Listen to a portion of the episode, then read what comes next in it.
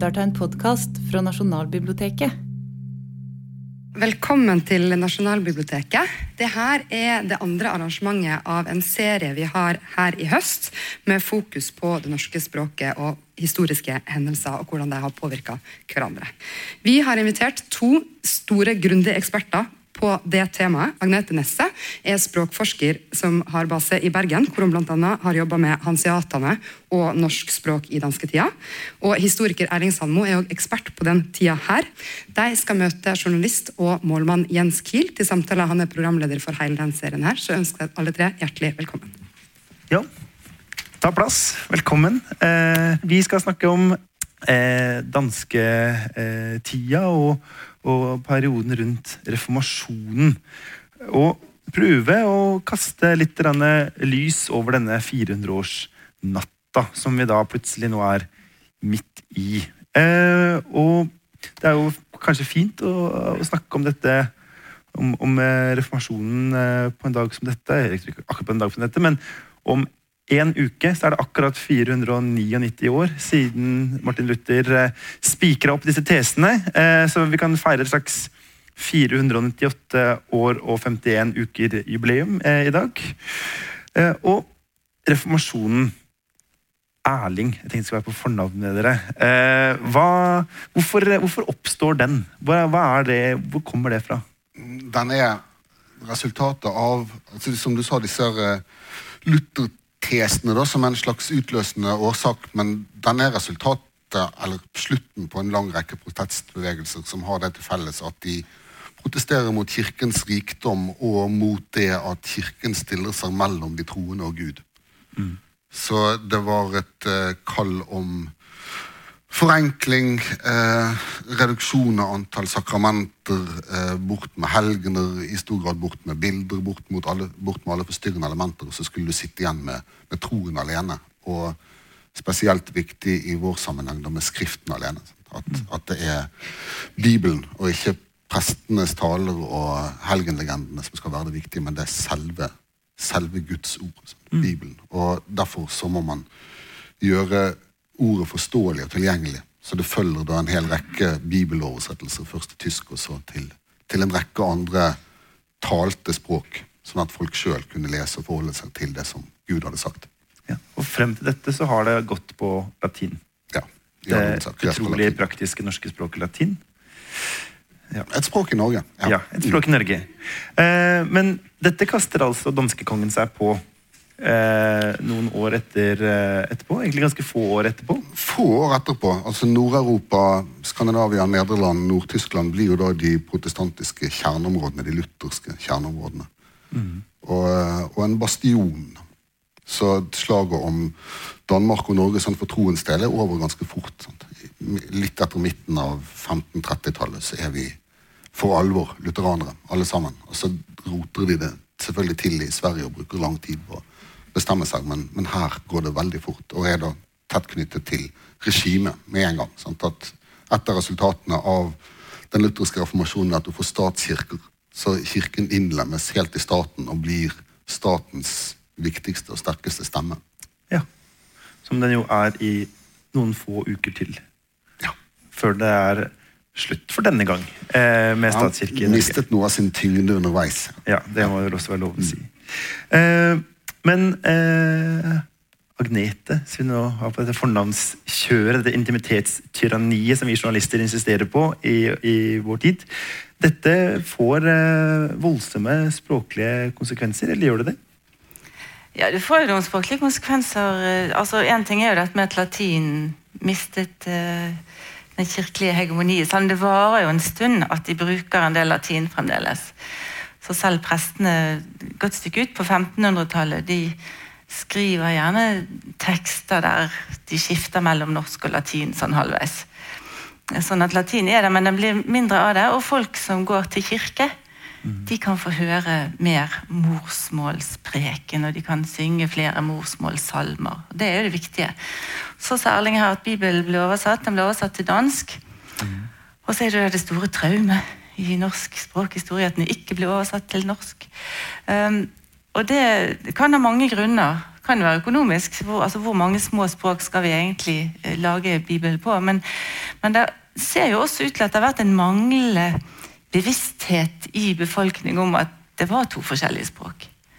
Så de, eh, de, de protesterer egentlig ikke på det her. da. De har ikke funnet de store protestene på at hvorfor får vi ikke Bibelen på norsk. Det kom noen hundre år seinere. Hvorfor, tror du ikke, hvorfor protesterer vi ikke på den? Skriftspråket var jo blitt dansk allerede før. Eh, Danskekongen sa han tok jo makten, og en måte å ta makt på det var jo å sende sine folk til Norge. Sine skrivere. Og når de norske så at disse her som kom fra Danmark, skrev på en kanskje litt annen måte, så etterapte de de. De mente at det var det språket som hadde autoritet. Så var det jo ikke så kjempeforskjellig heller. Vi snakker jo om to dialekter her, ikke om to kjempeforskjellige språk. Dette er jo ikke helt ukontroversielt å kalle norsk og dansk to dialekter. Eh, må det være lov å si? Men eh, det, det Vi bare ler. Si det, ja, ja. Ja, ja.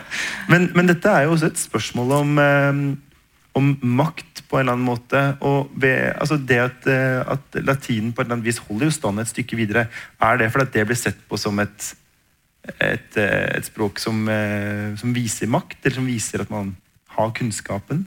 Eller? Altså, det var jo fortsatt det lærde språket. Mm. Det er jo ikke før egentlig med Holberg sant, på, ut på 1700-tallet, eh, 1600-1700-tallet, at, at vi tar et oppgjør med at all vitenskap skal skrives på latin. Og prestene var jo utdannet eh, på universitetene og hadde jo fått latin inn der, så det er klart at det var jo fremdeles viktig. Men, men altså, det blir mindre viktig for vanlige folk. Og hvis vi er litt opptatt av denne språkhistorien nedenfra, og hva folk flest hørte, så, så ble det mindre latin på de da. Men hvis jeg gikk eh, i kirken en gang på 1500-tallet, eh, og det ville sikkert vært lurt av meg, for eh, det hadde vel sine fordeler å være en god troende, så ville jeg ikke skjønt så mye av latin. At jeg, jeg ville ikke forstått de tingene som ble sagt på latin, til preken osv. Nei, men da var de begynt å preke på morsmålet. ja, men før eh, reformasjonen, da? Nei, altså det er noen klager, da. Så det, for det var noen prester som tok konsekvensen av det der. De tenkte kanskje kunne være lurt at folk skjønte hva de sa, og så prekte de på norsk. Men da kom det sånn klager over at nei, men det, det passer seg ikke. En offentlig klagebrev. Det er en lang, eh, stolt tradisjon. Men, men at nå er vi en gang for seint her sant, eh, med å snakke med middelalderen, men det fins jo en gammel norsk homiliebok. altså Det fins jo en, en religiøs litteratur på norrønt også, selv om den ikke er veldig stor. Så fins det jo en del som man har brukt, og som man har hørt. Så noe har man jo skjønt, da. Og så har man jo skjønt gangen i det når man har hørt latin. Ikke sant. Eh, men, eh, men, men for dere språkforskere så er dette altså reformasjonstida, eller reformasjonen, kanskje mindre av et brudd enn det er for eh, Erling sin eh, historieflokk, eller? Altså For skriftspråket så fikk det jo konsekvenser mer på sikt. Altså dette at vi gikk over til å skrive renere dansk når vi kommer ut på 1600-tallet. Også dette at latin eh, får mindre status. Men det er også noe som, som skjer samtidig, men som ikke er pga. reformasjonen. Og det er jo at talemål, altså dialekten i Norge, de ble veldig forandret etter svartedauden og fremover mot 1500-tallet. Mm. Og Det har ikke noe med reformasjonen å gjøre, men det sies jo ofte at når vi kommer omtrent på den tiden, så, så var norske dialekter kommet frem til sitt moderne stadium. Det høres litt rart ut, da. For jeg tror ikke at jeg kunne dra og treffe en jevngammel dame i 1540 og sludre med henne om alt mulig. Jeg hadde sikkert ikke skjønt hva hun sa. Men det er jo litt for at ordforrådet har forandret seg så veldig. Men altså grammatikken i de norske dialektene hadde vært gjennom en voldsom forandring og var ikke så veldig forskjellig på begynnelsen av 1500-tallet som i dag. I hvert fall ikke, hvis vi, ikke i Bergen, da, men hvis vi tar litt mer sånne konservative bygdedialekter. Da, hvis vi Ja. tar det som utgangspunkt. Ja, ikke tenke på det, Hvis ikke engang du hadde skjønt det den gangen, da er vi jo hjelpeløst fortapt alle vi andre. Ja, jeg har ønsket meg en tidsmaskin, men jeg har aldri fått det. Kom ikke i årets statsbudsjett heller. Nei. Eh, elendig. Men er det men, eh, så du, men, altså det er, men det er først og fremst etter det så er det ordforrådet som endrer seg mye i talemålet, mens, mens eh, grammatikken er likere? Ja, altså På 1500-tallet så var det nå en del som f.eks.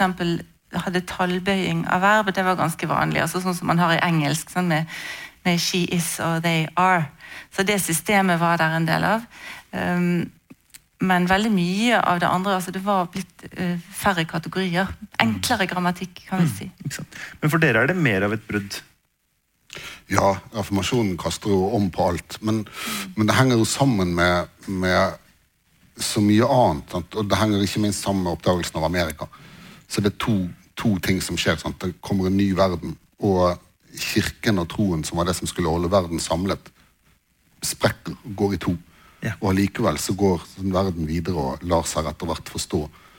Men, eh, men vi liker jo f.eks. å tenke at folk som så at det kunne komme en helt ny verden, som humanistene kommenterer, sant? og Montaigne skriver om dette i, i eh, Frankrike på 1580-tallet, at eh, dette, folk sier at dette er det største som vil skje noen gang. Men folk har tatt feil før, sier han. Men det gjorde han jo ikke. Det var det største Ja. som skjedde noen. Foreløpig har han sine ord i behold. Antagelig. Og, og um, selv om vi kan jo angre. Og så, og så er det reformasjonen som, som lar kirken sprekke. Sant? Og at det liksom har noen historikere ment i hvert fall slutten på det tradisjonsbundne samfunnet som kunne regne med som sikkert, og at det som skjedde i går, også ville skje i morgen. Og at med en ny verden og et nytt bruddent religiøst univers så kunne alt skje. Men var det- de eh, i Norge opptatt av at de oppfant Amerika? altså? Ikke med en gang, men, eh, men helt klart. Ja. De korresponderer med altså lærde folk korresponderer med folk som er interesserte. For eh, nå er vi også i en periode hvor tross alt kontakten mellom, mellom Norge og Europa er tettere enn den har vært før. Altså, eh, som du sier, at eh, Prestene har jo studert på et universitet, men det ligger jo ikke her i landet. Nei. Eh, det ligger i Danmark eller i Sverige eller lenger sør. Tyskland eller Nederland. Ja. ofte, ja. Eh, hvilke andre grupper er det som har kontakt utover? Kjøpmenn. Kjøpmenn? Sjøfolk. selvfølgelig. sjøfolk. Mm. Ikke sant? Så til sammen er det ganske mange, og de har kontakt med mange plasser i Norge òg. At den kontakten er Ja, og hvis, sånn, hvis du går tilbake til, eller hvis du går frem til, til 1600-tallet, så hvordan er dette her? 15% av mannskapet på den nederlandske fjernhandelsflåten, som var den største i verden, er nordmenn. Eh, hushjelper på, i kystbyene på Sørlandet får ikke jobb hvis de ikke har tjenestegjort i Amsterdam først, så de kan oppføre seg. Så det, det er veldig, veldig tette forbindelser utover, også nedenfor det vi ville kalle et eliteplan. Amsterdam er bygd på norsk tømmer. fremdeles. Sånne råtne flåter som ligger nedi mudderet der. Ja, sant? Og Anatomiteatret i Leiden holdt seg med norske lik, hørte jeg i går. Er det sant? Det er Godt at vi kan være til nytte for noe, i hvert fall. Ja, ja men de var uh, nyttige for mange. Men altså, det var jo både altså, bergverksdrift og etter hvert så ble jo militærspråket tysk. Altså, så, så, og, og kjøpmannsspråket var tysk. sånn at, at, at mens de geistlige hadde holdt seg med latin, så holdt jo kjøpmennene seg med tysk. Så det var jo tospråklighet på flere lag av samfunnet. Mm. Men det var kanskje ikke så mange som eh, altså, Det var ikke så mange andre språk utover det, da, hvis vi ser bort fra de nasjonale minoritetsspråkene. Samisk og finsk. Ja.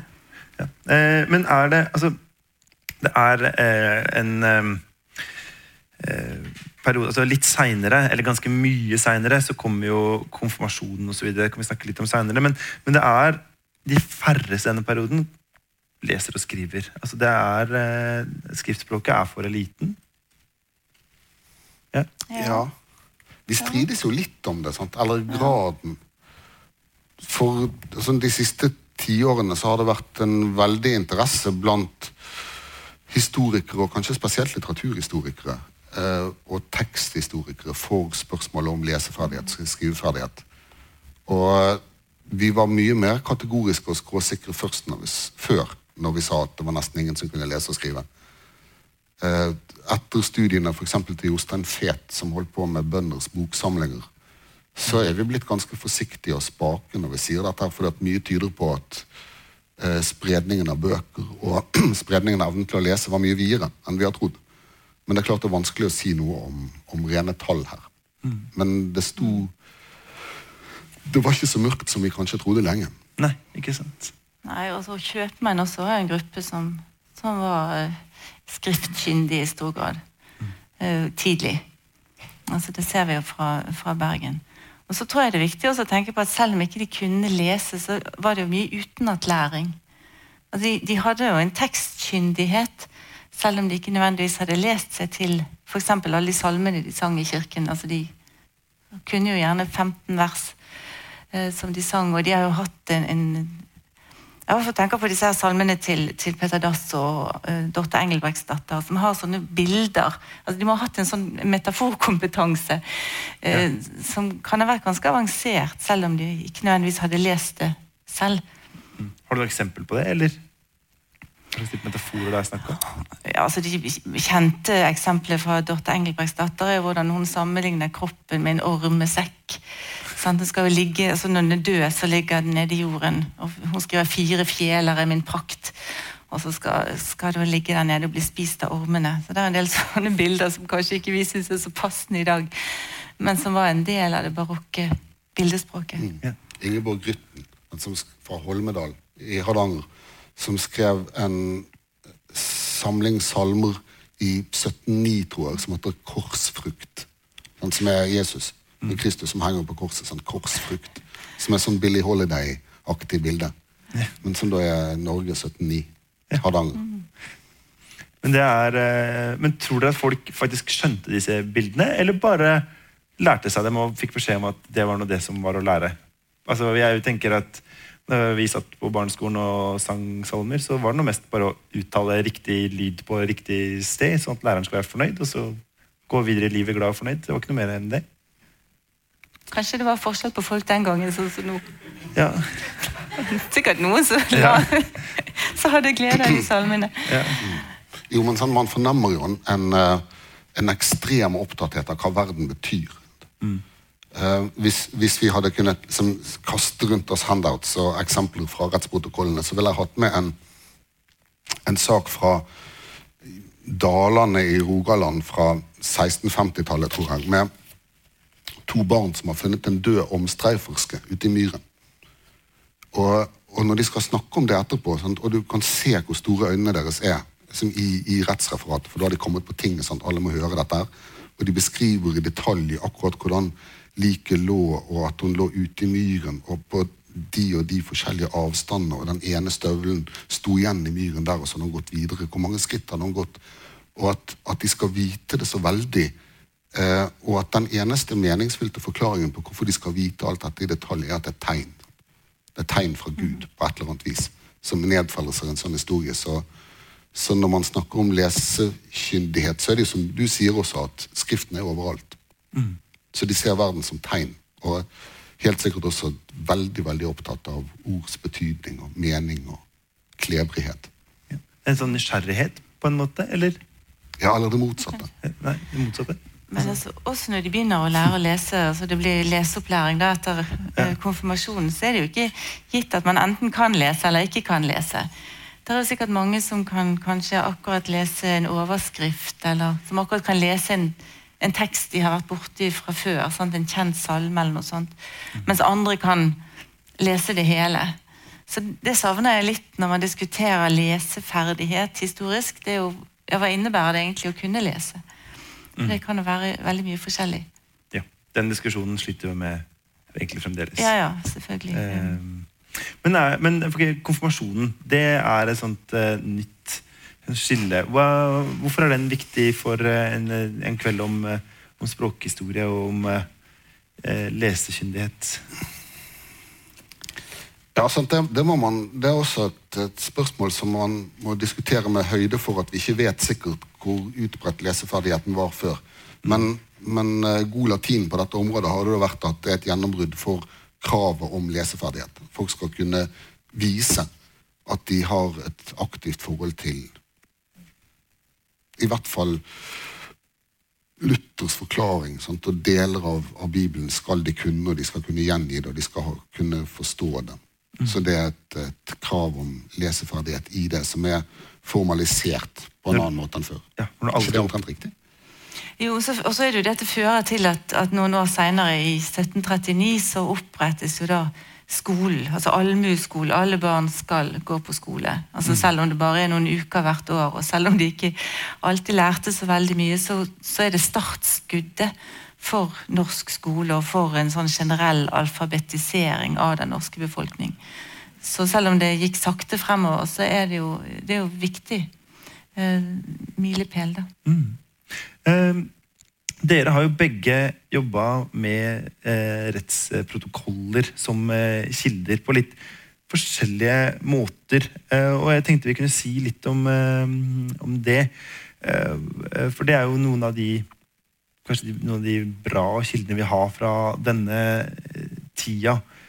Agnete, vil du starte med å si, si litt om hva du har jobba med, og kanskje lese litt for oss? Ja, så jeg har gjort det kjedelige. Jeg har talt bøyingsendelser i disse det, det, Jeg tipper det er mange her sånn, som ikke syns det er helt kjedelig det hele tatt. Nei, men, sånn det eh, kan jo være. Noen syns det er gøy. Men, eh, og det, det kan man jo egentlig lære en del om hvis en sammenligner bøyingshendelsene i ett år og et annet år.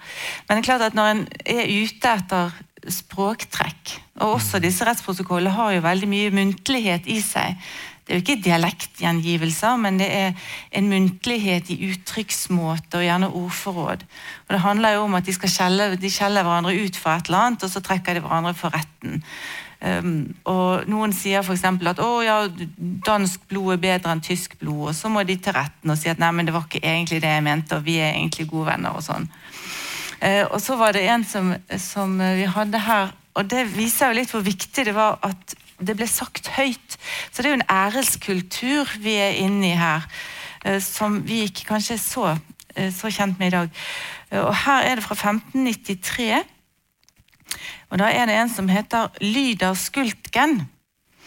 Og, han ble da han beskyldt Det var en, en annen Lauritz-datter som sa at han skulle vært hengt som tyv. Hvor er vi i landet? Vi er i Bergen, det er rart med det.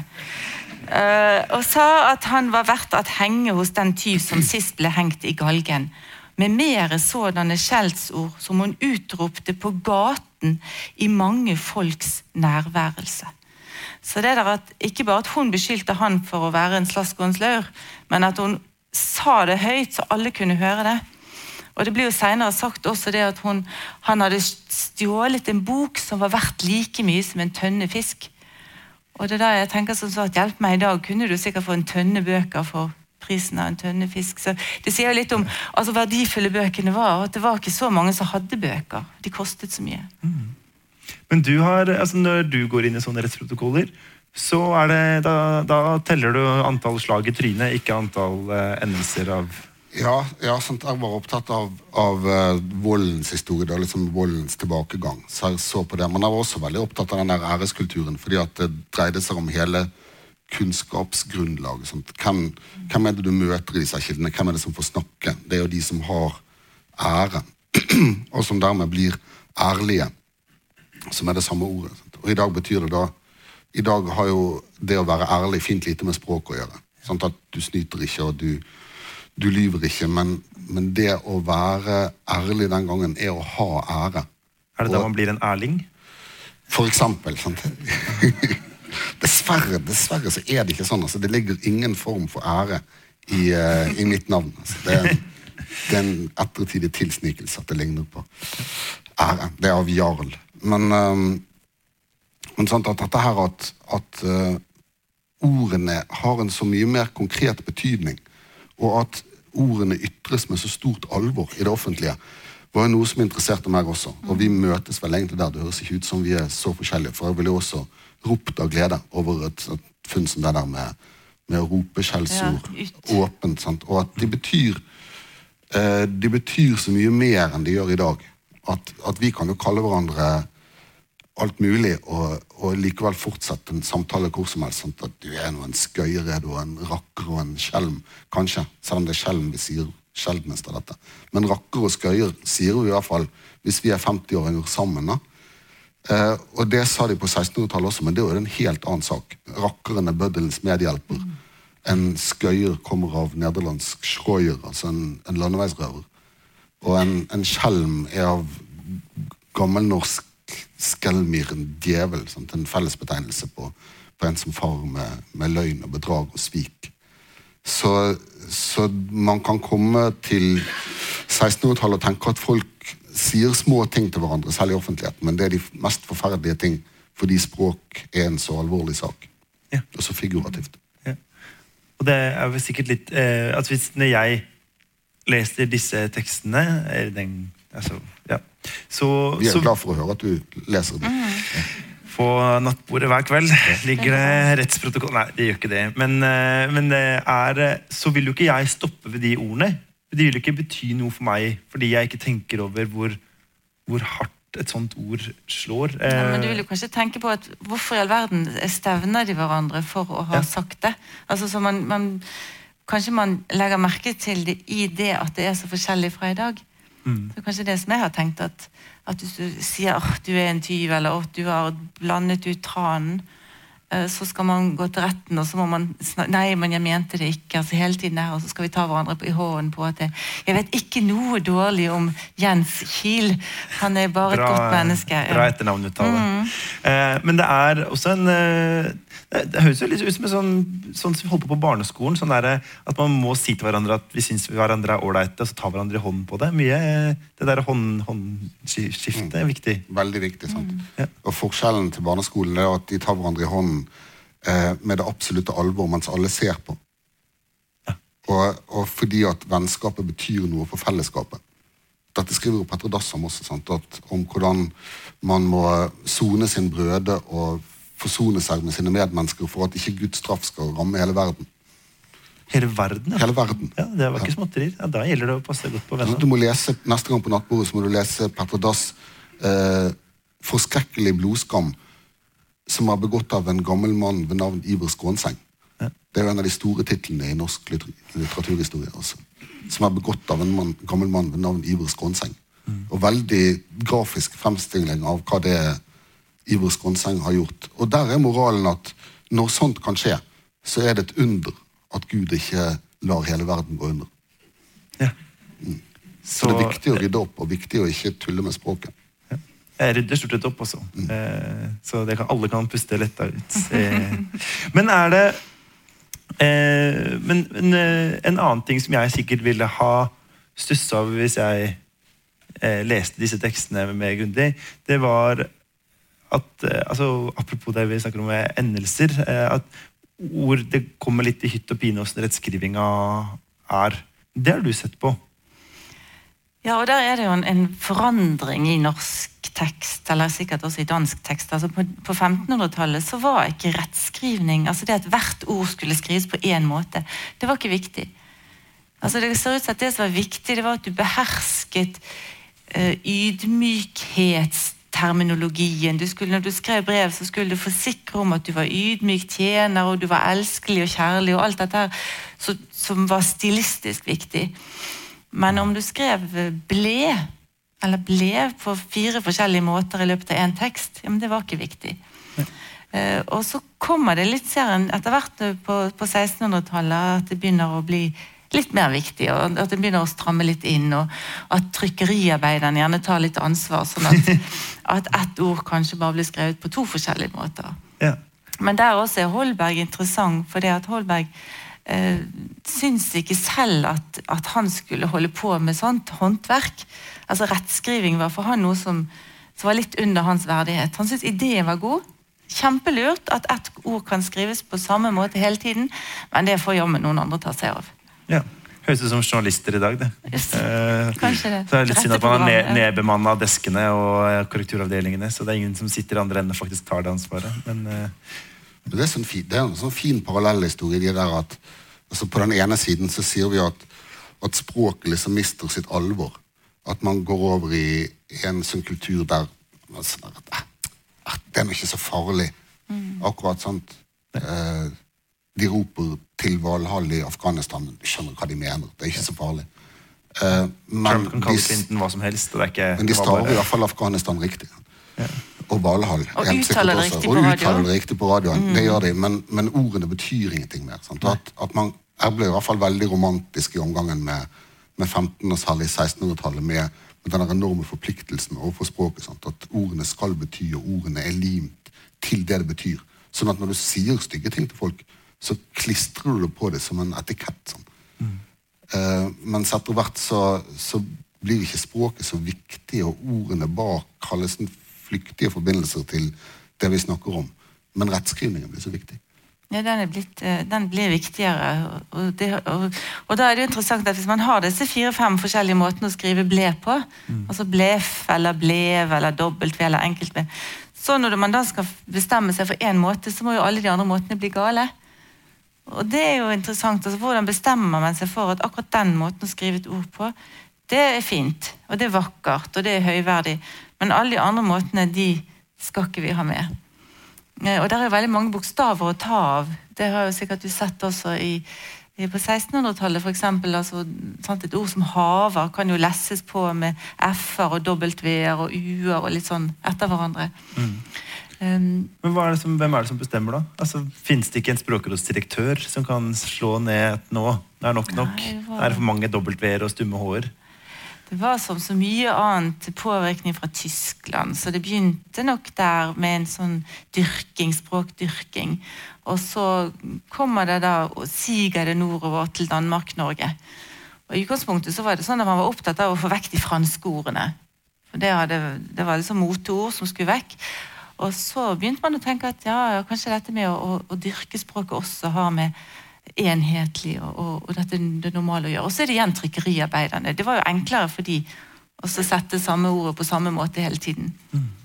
Men hvor er det vi eh, altså Jeg regner med at Bibelen har vel en viss spredning i Norge etter hvert. da, Men ellers, hvor er det det er noen særlige bøker? Eh, jeg selv var jo elev på Oslo katedralskole, som jo eh, i noen hundre år hadde landets nasjonalbibliotek. Så jeg var biblioteksvakt der, og der har vi jo alt mulig rart av sånne svarte bøker fra Vinje og stort og smått. Men eh, det var jo ikke så mange andre steder det var store boksamlinger, eller? Nei Nei, sant, ikke Altså, du har du Jeg vil gjerne bare ha høre at Oslo katedralskole var veldig spesielt bra. Ja, ja. Oslo katedralskole var kjempespesiell med den ene svarte boken fra Vinje. Men det er vel uklart når den kom dit. Den var jo aldri pensum. Men, eh, men de har den de har den der nå. Jeg har også vært og sett den. Det er Et stort, fantastisk bibliotek. Eh, Det var katedralskoler i Oslo og Bergen og Trondheim. I hvert fall også, sant? der man hadde domkirker, var det jo da miljøer med boksamlinger. Og så kommer du etter hvert og Stavanger, vel. Stavanger også. Ikke glem Stavanger. Også, 53. også Hamar. Også, um, men, men sånn etter hvert så vil du da få eksempel lærde miljøer og humanistiske miljøer rundt omkring.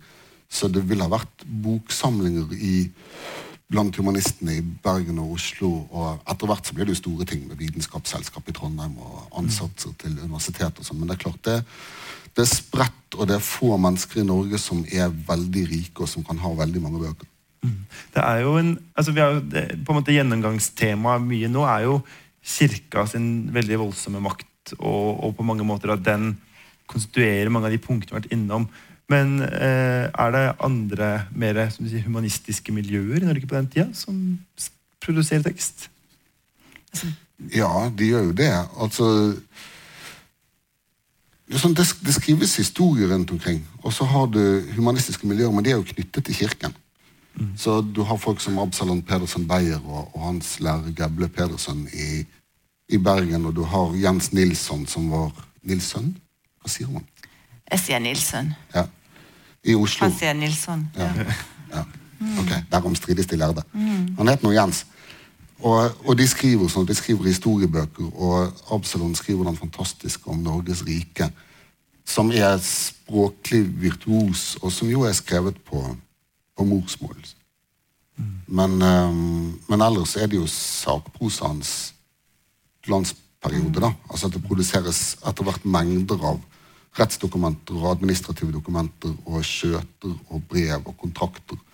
Så det er veldig flott. Man kan jo se det hvis man får lov til å gå gjennom magasinene i Riksarkivet og kan gå forbi liksom, den, lille, den lille biten med 1300-, og 1400- og 1500-tallsmateriale. Så etter hvert som staten vokser, så flommer jo teksten ut av, eh, ut av magasinene. Du kan måle det i kilometer. Men altså, du sa litt om hvor mange var det egentlig som eide bøker. sånn som hadde, og det er klart at det var noen enkeltpersoner som laget sine boksamlinger. Men vi ser jo også av sånne altså, kommentarer i margene på håndskrifta. at disse, de som først fantes, Det første kommentarfeltet. ja, de ble jo sendt rundt. Så om det var nå én bok, så kan det ha vært fryktelig mange som har lest denne boken. Eh, og så Noen skriblet i margen, og noen gjorde det ikke. Og så sendte de de i pakker med båt rundt omkring. Sånn at um, altså Det har jo vært en delekultur fordi at en bok var så, så verdifull. Eh, også disse her, altså Reisebeskrivelser og historisk-topografiske tekster og sånne ting.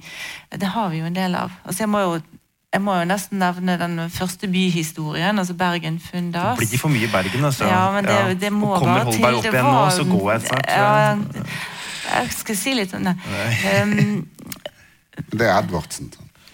Nei, altså den fundasen den kom på 1500-tallet. Å, ja, ja, ja. Og det var jo en historiebok om, altså om byens oppkomst. Ja. Så det er jo, et- altså for du sa om alt var knyttet til kirken. Det er ganske langt unna kirken. da. Ja. Men stemmer det? Er det hvor, eh, altså, treffer den boka med det vi vet om Bergen i dag? Eller er det bare Mye av det vi vet om Bergen i dag, kommer fra den boken. ja, Ikke sant? Så de skapte historien, kanskje. Ja, Ja, Men akkurat det som Absalon Pedersen Beyer skrev om Ved deg, Bergen, du fugle Sodoma og Gomorra, søster. Det er helt feil. Ja, det, det er seinere avkrefta. Ja, ja, det, det var det, der er bare Det var bare idyll. Ja, ja.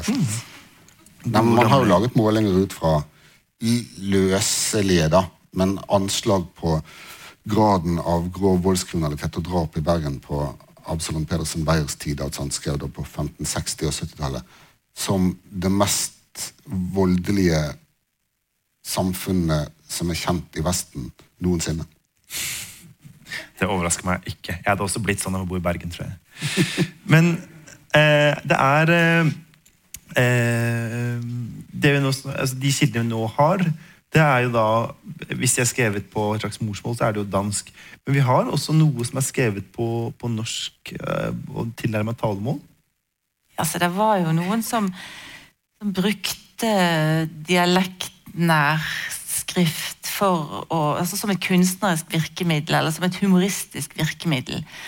Eh, Men det var jo ikke for at de skulle eh, skrive norsk for å skrive norsk, men det var jo fordi at de skulle være morsomme.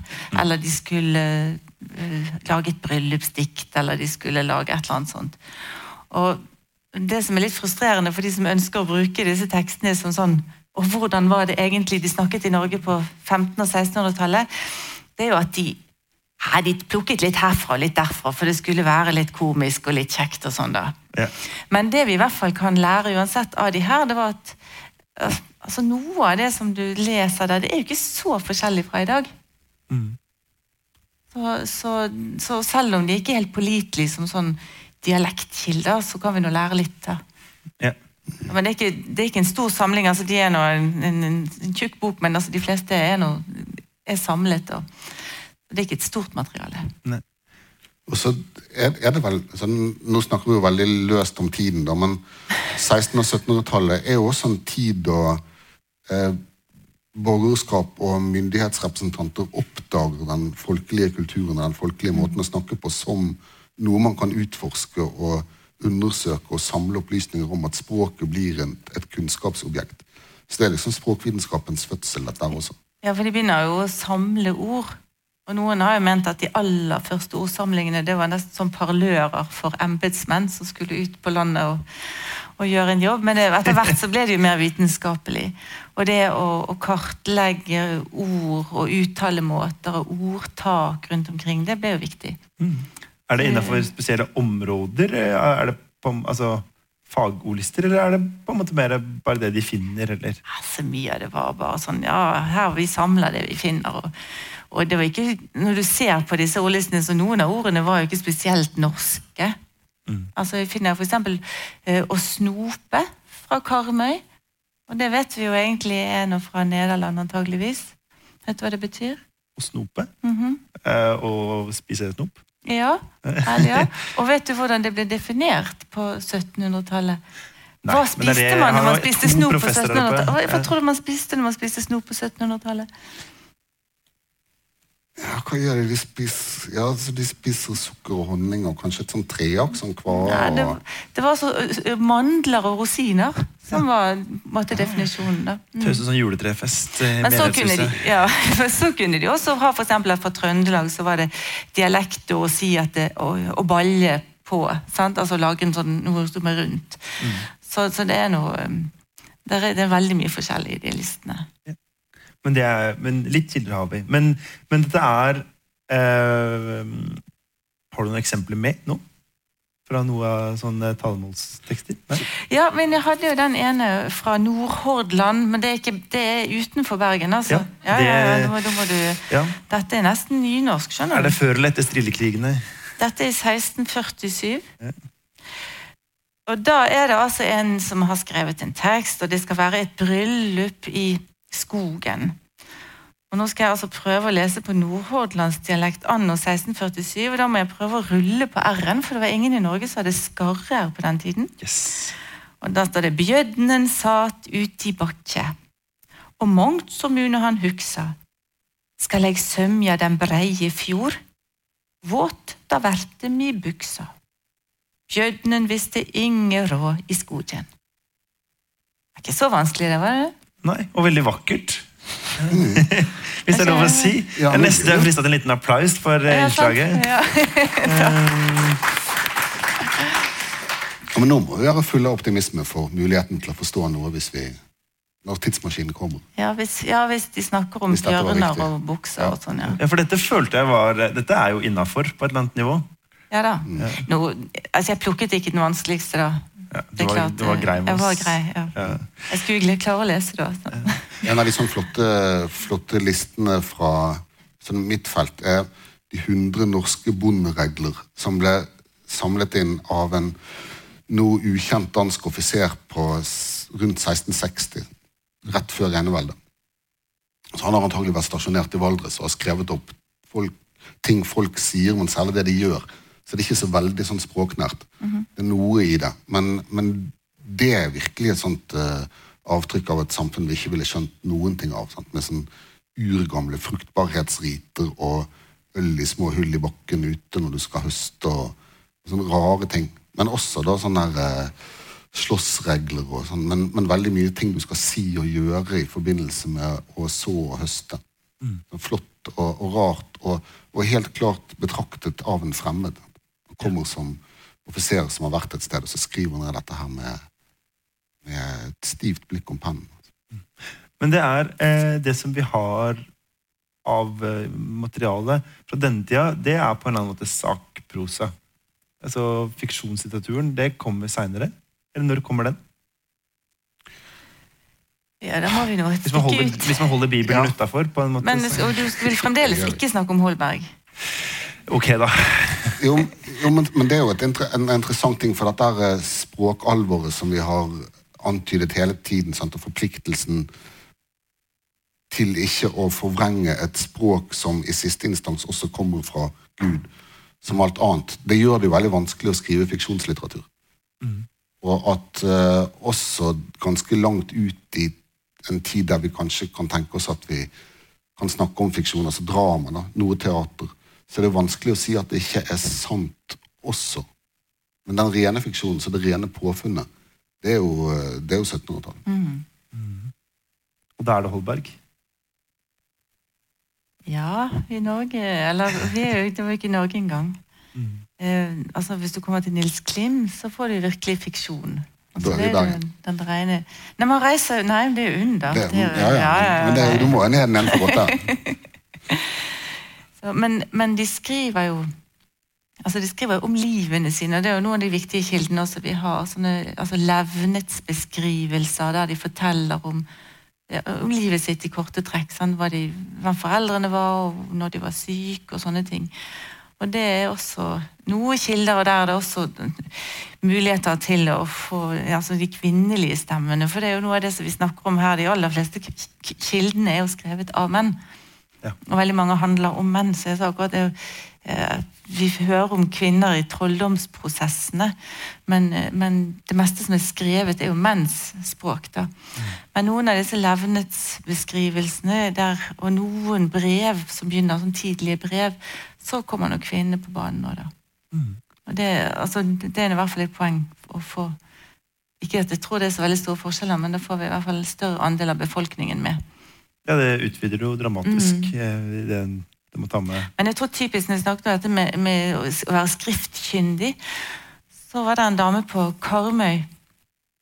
Og hun eh, kunne nok kanskje skrive litt, men hun hadde vel ikke trengt å gjøre det, for hun var gift med en veldig flink skriver som het eh, Tormod Torfeus. Men så blir han syk og ligger for døden, og hun er fattig og trenger penger. Og så plutselig så må hun skrive. Må skrive til noen som kan få sagt at ja, vi må få penger for disse bøkene.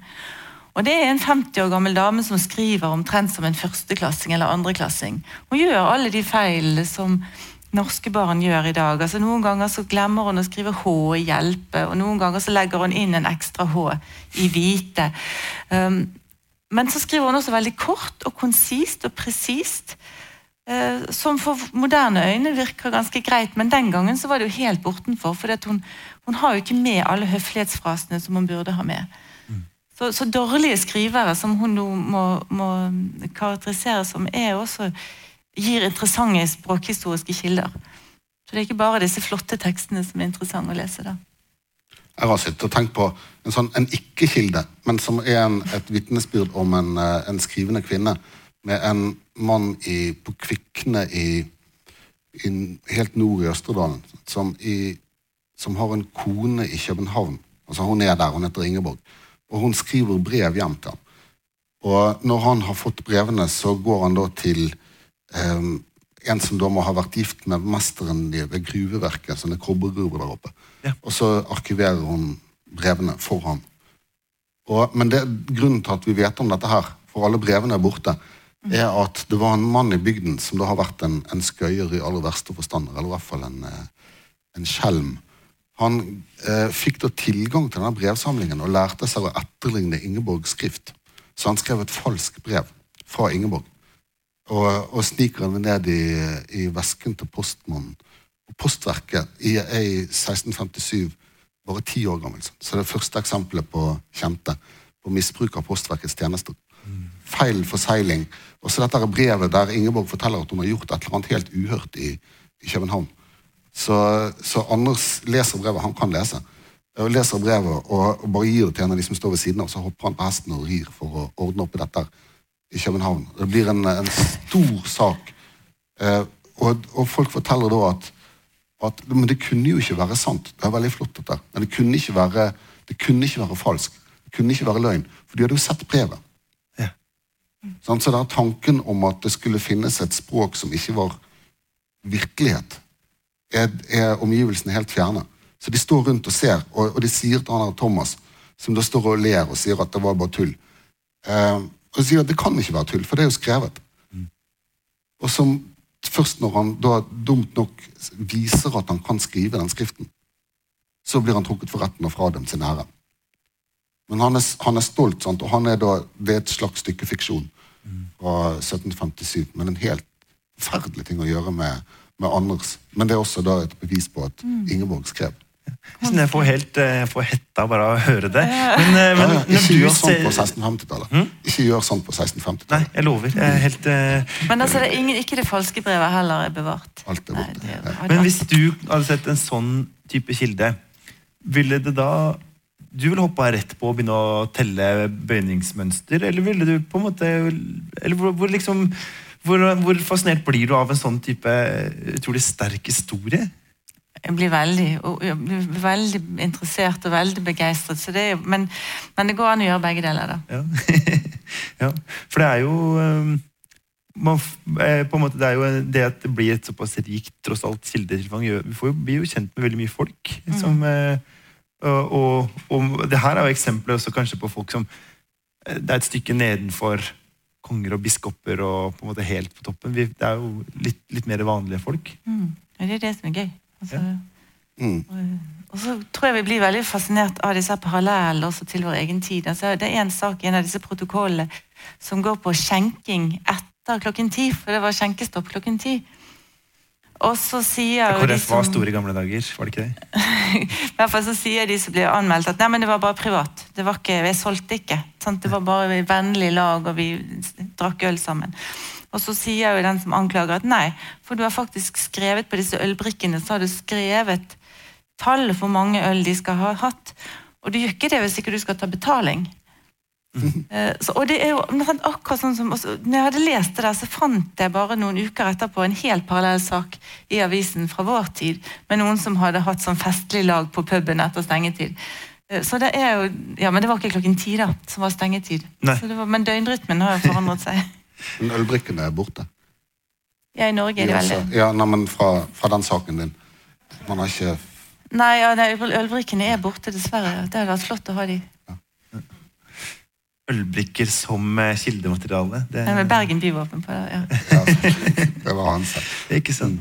Eh, men altså eh, Det som eh, Vi skal på en måte Vi er nærme oss slutten eh, fra denne, eh, denne samtalen. Men, men det som jeg har lurt litt på altså, Fordi 400-årsnatta er jo et sånt begrep som vi hører om. Og er det Det virker jo egentlig ikke for meg som om det er så veldig mørkt. Vi vet jo masse. Eller?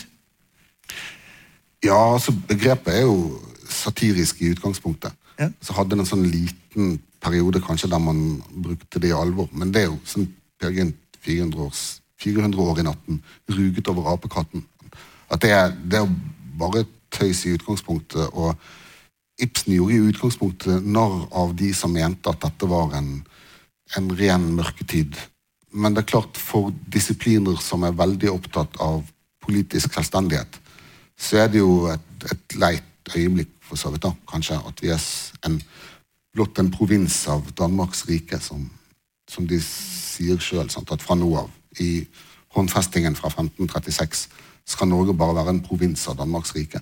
At det, det er jo ingen av oss som syns det er bra, men vi er ikke så veldig opptatt av det historiefaget som, som vi var nå med. da. At det er en, en endring på, på ett nivå, men det er klart at uh, samfunnet rundt er jo samfunnet til masse interessante folk, som Torfeus, Peder Clausen Friis. Det er ikke langt til Olaus Magnus, og sånn Shakespeare er bare noen timer seilas unna. Høres så greit ut når du sier det på den måten. Men eh, nei, fordi eh, jeg har holdt eh, foredrag om det her på skoler, som jeg sikkert har gjort tusen ganger, nei ikke tusen, men kanskje 200, så har vi jo snakka om dette med veldig ofte det med at 1536-37 eh, så konstituerer man på en måte at når Bibelen skal skrives på vårt eget språk, så blir det på dansk, og det er det som på en måte markerer eh, på en måte Der kommer vedtaket liksom, om at det er dansk som er språket i Norge. Eh, men hos dere så har denne perioden vært mer eh, lite utforska, eller? Ja, ja, for det har jo vært en veldig sterk interesse og opptatthet i norsk språkvitenskap og språkhistorieskrivning om dette med språklig selvstendighet. Så det har jo vært en sånn fortvilelse over at eh, Norge da ikke hadde sitt eget språk, og så kommer da det som vi kaller for det, det Åsens knutsenske eventyret, når vi da får Yippie. nye språk. sant? Ja.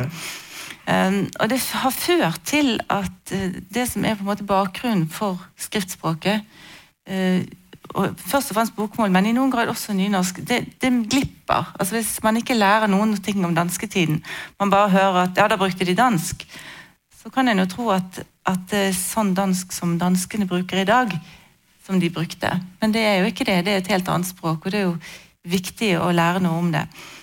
Men det er jo faktisk såpass gale at i læreplanen for videregående skole så skal ikke elevene lære noen ting om dansketiden i språkhistorie. De skal lære om norrønt, som er den store glansperioden, og så skal de lære om den neste glansperioden fra 1800-tallet. Men det eneste de skal gjøre da, i dansketiden, de skal lese tekster og se om de finner tendenser til norskhet. Så det er jo en, en, en voldsom nasjonalisme som ligger fremdeles i, i vårt fag. Ja. Så vi har jo- et stykke å gå, da. Den er jo sjelden og interessant, fordi at når man da ser på Hvis man ser på et kart over Europa fra denne tiden, så er det ikke mange land vi kjenner igjen.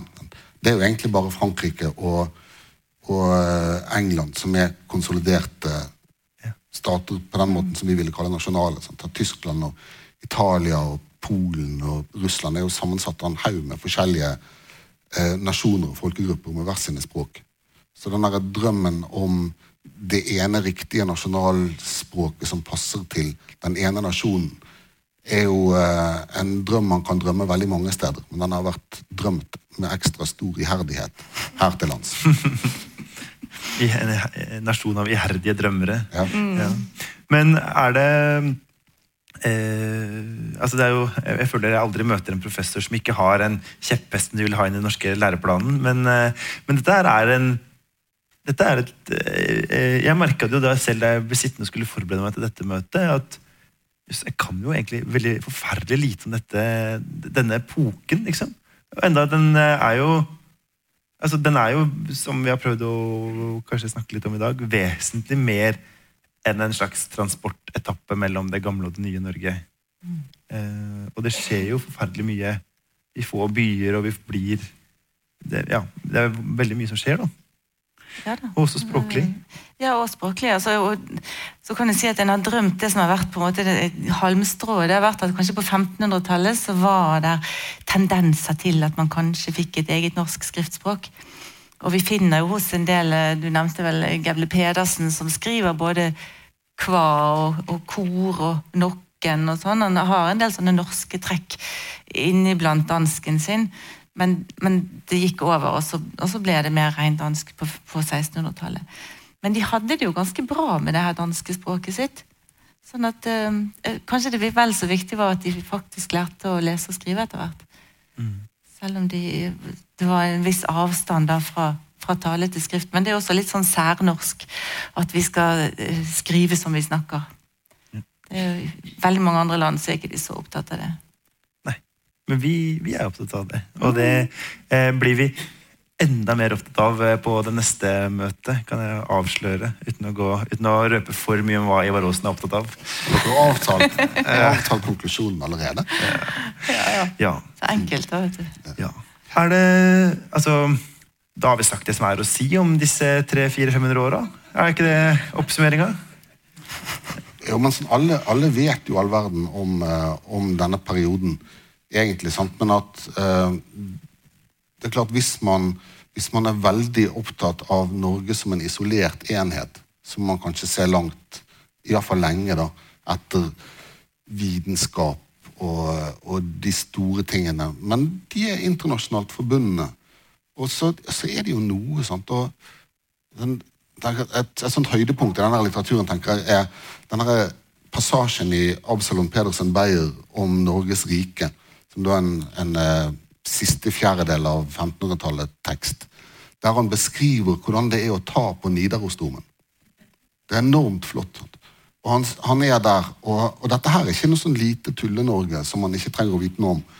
Um, det er Nidarosdomen, han ser på den og sier, skriver veldig sånn plastisk og ikke hemmet av noe dansk språk om, om uh, mønstrene i steinen, om hvordan du kan ta på veggen, den er glatt som is. Og det er merkverdig at det finnes noe sånt i vårt land. sier han. Så når man sier at man vet lite om Norge på 1500-tallet, så skal man da eksempel ikke glemme at Nidarosdomen sto der. Nidarosdomen sto der. Vi får la det være en slags siste ord eh, fra oss. Det var eh, veldig gøy å få stilt eh, alle disse spørsmåla som jeg har sittet og lurt på. Eh, veldig behagelig at for oss eh, litt språkinteresserte så stiller Nasjonalbiblioteket opp med to professorer med jevne mellomrom som man kan få spurt ut. Vi sier rett og slett takk, for, takk for oss. Vi har gjort vårt, vårt beste. Vi har gjort en skapelig å kaste blokka.